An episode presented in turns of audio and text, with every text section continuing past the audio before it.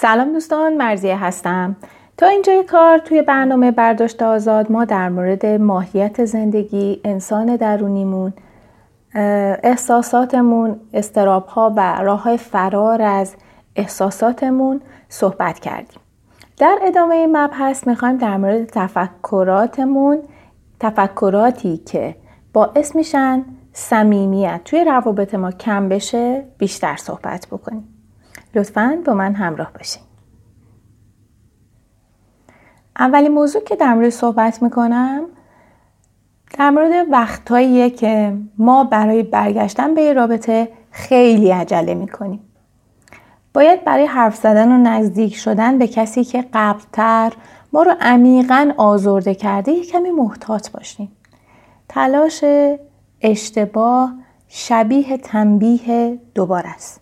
این تفاوت که قبلتر شخص دیگه این تنبیه رو انجام می‌داده و الان خودمون خودمون رو تنبیه می‌کنیم برای دوباره شروع کردن یه رابطه باید حواسمون به این باشه که آیا طرف مقابلمون اونقدر رشد کرده یا رشد داشته که ظرفیت پذیرش اشتباهاتش رو سهم خودش رو توی رابطه ببینه و قبول کنه؟ آیا به اندازه کافی احساس امنیت می‌کنیم که بخوایم دوباره وارد یه مکالمه با اون آدم بشیم؟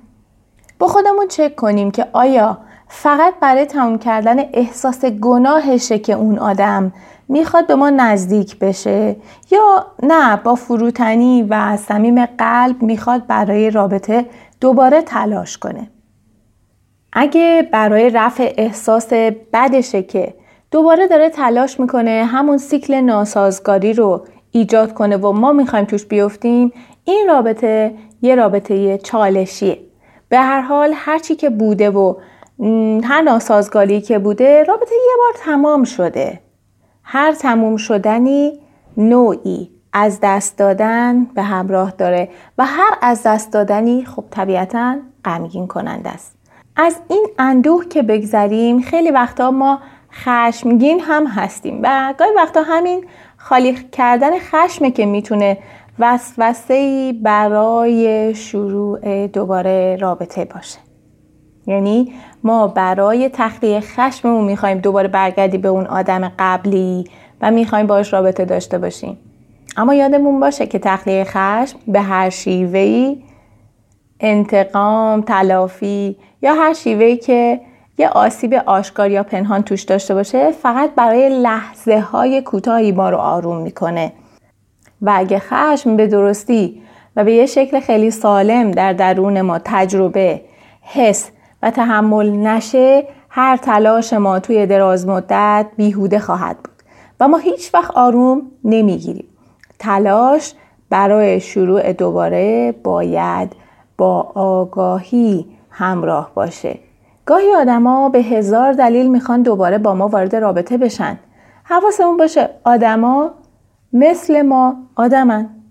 خیلی سخت تغییر می‌کنن و گاهی فقط شکل آزارشون تغییر می‌کنه. اما در نهایت اگر ناسازگاری عمیقی توی رابطه باشه احتمال اینکه تکرار بشه خیلی زیاده.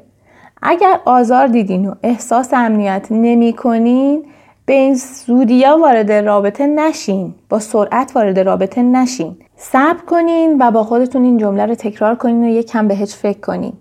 ما یه بار ناخواسته اشتباه می‌کنیم و دفعات دیگه تصمیم می‌گیریم و با آگاهی اون اشتباه رو تکرار می‌کنیم. این جمله رو با خودتون تکرار کنین و بهش فکر بکنین.